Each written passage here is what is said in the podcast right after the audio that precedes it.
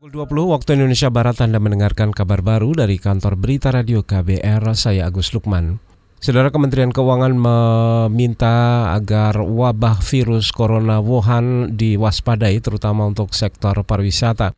Menteri Keuangan Sri Mulyani mengatakan penyebaran virus corona yang sedang mewabah di Tiongkok bisa berdampak pada kinerja sektor pariwisata di Indonesia karena Tiongkok merupakan salah satu negara asal wisatawan mancanegara yang tertinggi berkunjung ke Indonesia. Sektor pariwisata tentu saja akan terpengaruh eh, dan ini yang mungkin harus kita waspadai. Karena kan kita selalu mengatakan sektor pariwisata sebagai salah satu eh, sumber pertumbuhan ekonomi di Indonesia eh, yang kita andalkan Eh, terutama destinasi pariwisata tahun 2020 ini empat harusnya selesai kan ini tempat untuk kita melakukan promosi promosi ya untuk itu.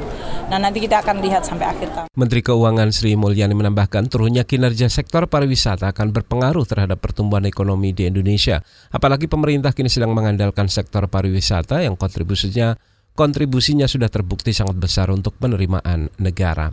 Sampai saat ini saudara virus corona Wuhan sudah menewaskan lebih dari 130 orang dan menginfeksi ratusan orang lain.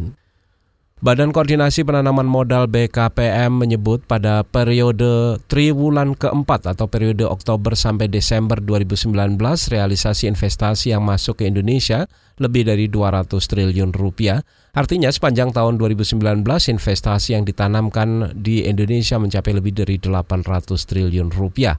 Angka ini melebihi target yaitu dari target semula sebesar 790 triliun rupiah.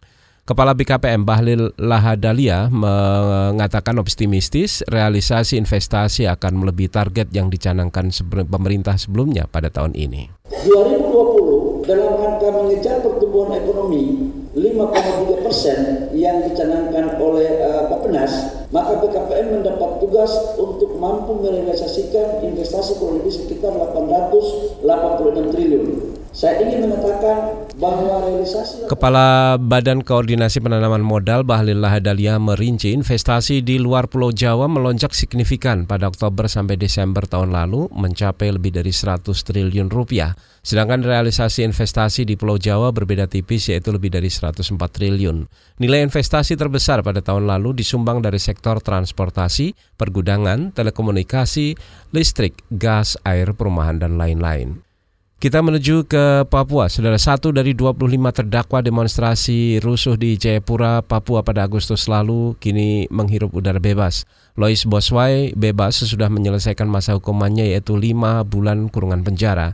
Penasihat hukum para terdakwa Frederica Koren menjelaskan Lois Boswai selama ini dititipkan di sel tahanan Polda Papua bersama 24 terdakwa lainnya. Ya, potong masa tahanan, masa tahanannya berakhir pada uh, hari Minggu, uh, otomatis dia harus uh, apa keluar dari tahanan ya harus uh, bebas. Penasihat hukum para terdakwa demonstrasi rusuh Jayapura, Frederica Koren menambahkan Lois Boswai dibebaskan bersama 17 terdakwa lain yang masa penahanannya sudah berakhir dan tidak dapat diperpanjang lagi.